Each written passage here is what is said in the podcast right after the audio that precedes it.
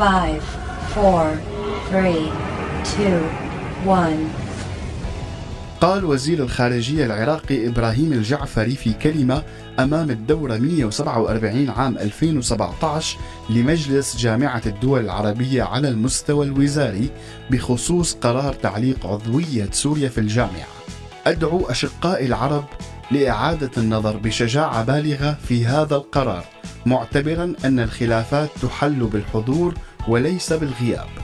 وقال بشار الأسد في نفس العام منتقدا الموقف العربي من النظام إذا كانت هذه هي القومية والعروبة فنحن لا نريدها. هؤلاء هم العرب. نحن لا نريد أن نكون عربا. نحن نكون أي شيء.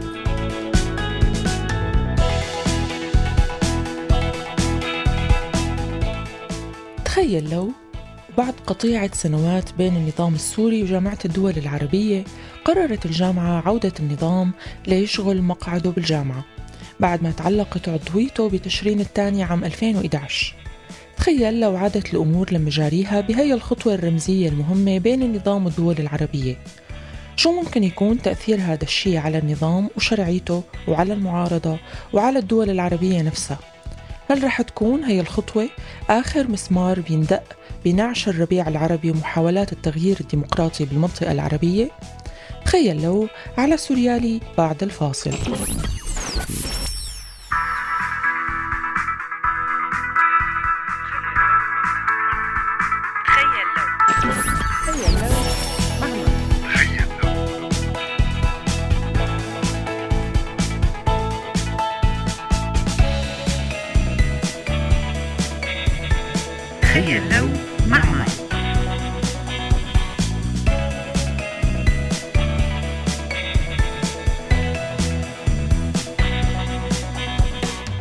تخيل لو مع مايا على هوا سوريالي.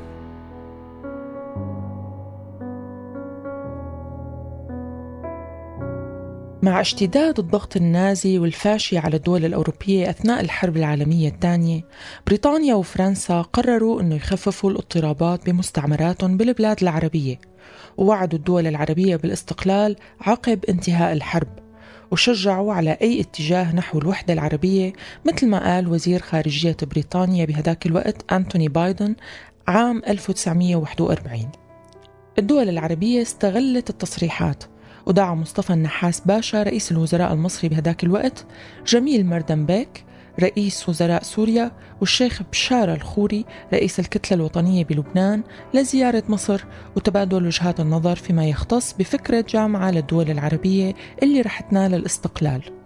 وأعلن النحاس سعي مصر لعقد مؤتمر للقادة العرب لبحث الموضوع ولحقوا بالأردن تصريحات متوافقة للأمير عبد الله وبسنة 1943 بدت مشاورات ثنائية بين مصر والأردن والعراق وسوريا وصدرت تصريحات ووجهات نظر كثيرة لضرورة إقامة جامعة عربية لتوحد الكلمة والروابط الاقتصادية والدينية والثقافية للدول العربية. وتم تأسيس الجامعة سنة 1945 وهي عبارة عن منظمة إقليمية بتضم الدول اللي بتتحدث باللغة العربية وعددها 22 تأسست من أجل التعاون بالشؤون الاقتصادية والثقافية والاجتماعية والصحية. وتحرير البلاد العربية غير المستقلة واللي كانت بوقتها لساتها محتلة كالمغرب والجزائر بالإضافة للتعاون وتقديم المساعدات للمنظمات الدولية. كمان قامت جامعة الدول العربية بعد تأسيسها بالإعلان عن مقاطعة إسرائيل وعزلها اقتصاديا والتضييق على مؤسساتها التجارية بإشراف مكتب المقاطعة المركزي وهو مكتب خاص تابع للجامعة وفي فروع له بمختلف الدول العربية. بالسبعينيات خفت المقاطعة وكانت مصر اللي كانت أول دولة دعت لضرورة تأسيس جامعة الدول العربية كانت أول دولة بتتخلى عن المقاطعة بعد توقيعها على معاهدة السلام مع إسرائيل. وبعد هذا الحدث تم فتح مجموعة من الموانئ والمضائق أمام السلع الإسرائيلية. أيضا التحالف العسكري للجامعة العربية كان له دور أحيانا بالتصدي للأزمات اللي تعرضت لها بعض الدول العربية مثل مشاركتها بحرب حزيران سنة 1967 وقبلها سنة 1948 وقت رفضت جامعة الدول العربية قرار الأمم المتحدة المتعلق بتقسيم فلسطين لدولتين هن فلسطين وإسرائيل وبالتالي نشبت حرب بين الدول العربية وإسرائيل بهداك الوقت.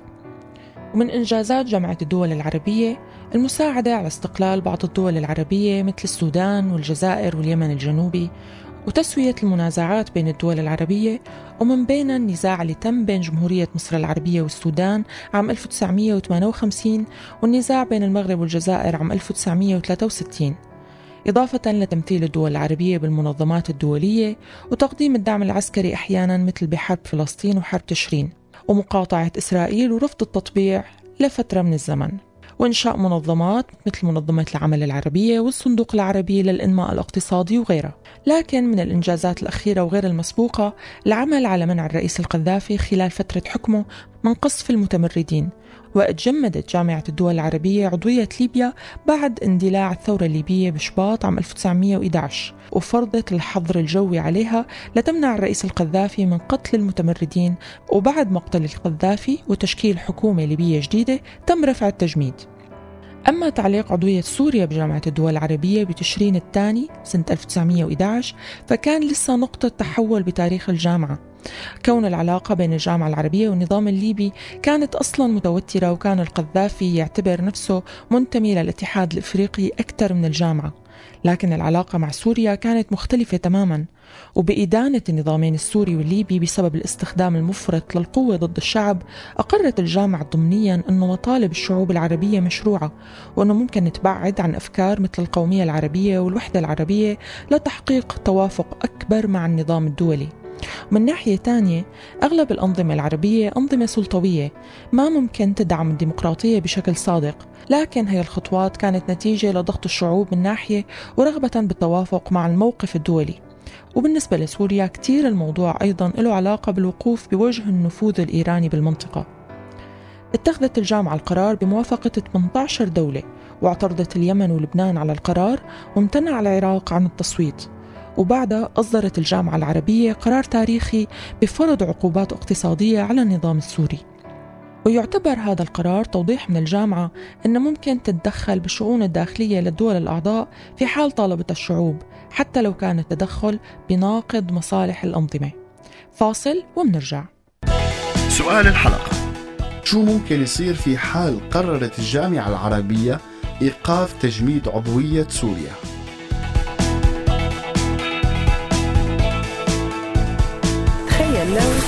مايا مع تقدم قوات الجيش النظامي على أغلب الجبهات وميل الكفة الدولية لصالح التطبيع مع النظام على الرغم من كل التصريحات والمقاطعات والمواقف السابقة كتار شافوا أن الجامعة العربية حاليا مضطرة أنه تراجع حساباتها مع النظام السوري. بعام 2017 وبمبادرتين مختلفتين من العراق ومصر دعا وزير الخارجية العراقي لإعادة تفعيل عضوية النظام السوري. وصدر بيان عن لجنة الشؤون العربية بالبرلمان المصري قال أنه استمرار المقعد الشاغر لسوريا بالجامعة العربية ما عاد مقبول وأنه من واجب مصر تقوم بدور إيجابي لحل هي المسألة. وفي حال النظام السوري فعلا رجع ليشغل مقعده بالجامعة العربية فهذا رح يحط النظام بموقف المنتصر. واللي على الرغم من كل الانتهاكات والمجازر اللي علقت عضويته وما تحاسب عليها رجع ليكون جزء من هي المنظومة.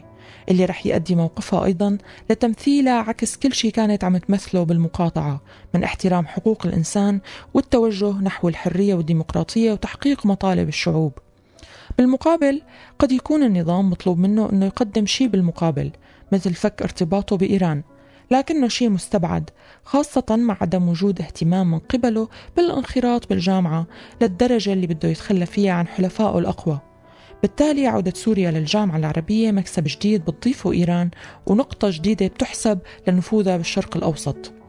من ناحية تانية هاي الخطوة رح تشجع دول الأعضاء على التطبيع مرة تانية وإعادة فتح السفارات وتسيير الرحلات ورفع العقوبات الاقتصادية. هذا الشيء رح يعطي دفعة اقتصادية ومعنوية للنظام ورح يؤدي لبعض السهولة بحياة السوريين المقيمين بهي الدول أو اللي عم يخططوا للسفر إلها. العلاقات رح تفتح مجال لاستثمارات عربية مع النظام لإعادة الإعمار. النظام رح يكون بحاجة لهي الأموال لأنه إيران وروسيا ما بكفوا حتما لتغطية تكاليف الدمار اللي قدرت بمئات المليارات. لذلك وحتى لو ادعى أنه ما مهتم بإعادة العلاقات مع دول الخليج لسابق عهده وحتى لو مارس بروباغندا إعلامية ضد هذا الشيء غالبا ما تكون فرصة ممتازة بالنسبة له. سوق إعادة الإعمار بسوريا حتما رح يجذب العرب وغير العرب ليرجعوا يحطوا إيدهم مع الشيطان لتحقيق المصالح الاقتصادية. فاصل ومنرجع. وجهات نظر.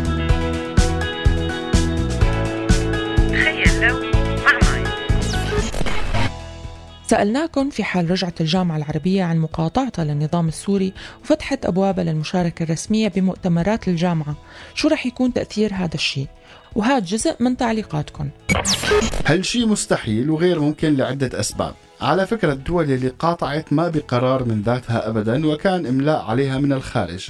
ولو غير هيك شو معنى يكون في سفارة للأسد في البحرين أو عمان؟ ما عم يسعوا لإسقاط الأسد بس بدهم يعملوا لف ودوران لكسب أمور معينة. من البداية ما تأملنا شي منهم لأنه لو عندهم شي قدموه كانوا قدموه للشعب الفلسطيني. أمة مخصية علاج الأسد عند أحرار سوريا. يعني نحن ماسكين عقدة الشرق الأوسط ورابطينها على جبل قاسيون. يعني رجوع سوريا وعدم واحد. لك هالاسطبل يلي مسمينه جامعة الدول العربية حزرط لا بحل ولا بيربط. طالما كان شاهد على المجازر وساكت. اعلم يا عزيزي المتابع هذا المسرح هو عبارة عن غرفة تحتوي على ضباط موساد إسرائيلي. ليش الدول العربية قاطعوا النظام ولا قاطعوا الشعب؟ مسألة وقت ورح ترجع أنظمة عربية فاشلة. أكيد رح ترجع العلاقات مثل ما قاطعوا مصر وقت التطبيع مع إسرائيل ونقلوا الجامعة العربية إلى تونس ثم عادوا دون زوال أسباب المقاطعة. أنظمة حفيانة وعريانة لتطبع مع اليهود بدك تقنعني إنه تدمير الغول لسوريا زاعجهم مثل ما قالوا الشباب قطع العلاقات مع سوريا جاء ممن بيده رسنهم وعندما يهز الرسن يطيعوا من الأساس كل الدول العربية كانت عبء على الثورة هم من جعلوا الثورة جهادية وشيطنوها وسمحوا لإيران وروسيا وحزب الشيطان وغيرهم ليقفوا مع زبل الكلب لولاهن لانتصرت الثورة من أول عام. جامعة الدول العربية ياما كانت وما زالت مثال للتندر والفكاهة عن عطالتها وعجزها عن حل المشكلات بالعالم العربي. وتغيرت نظرة الناس بشكل كبير لما أخذت قرار تجميد عضوية سوريا بشكل خاص واللي كان قرار جريء بوقته بغض النظر عن دوافعه. للأسف رجعت بعد الجامعة لتكون جسم عاجز ومنقسم وغير قادر على حماية حقوق الشعوب. إلى اللقاء.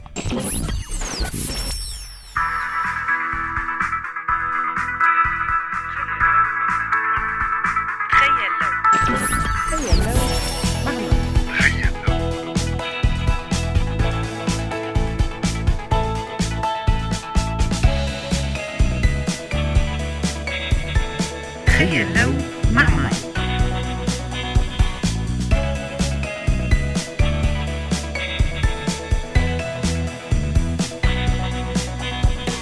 تخيلوا مع مايا على هوا سوريالي. هذا البرنامج من إنتاج سوريالي 2018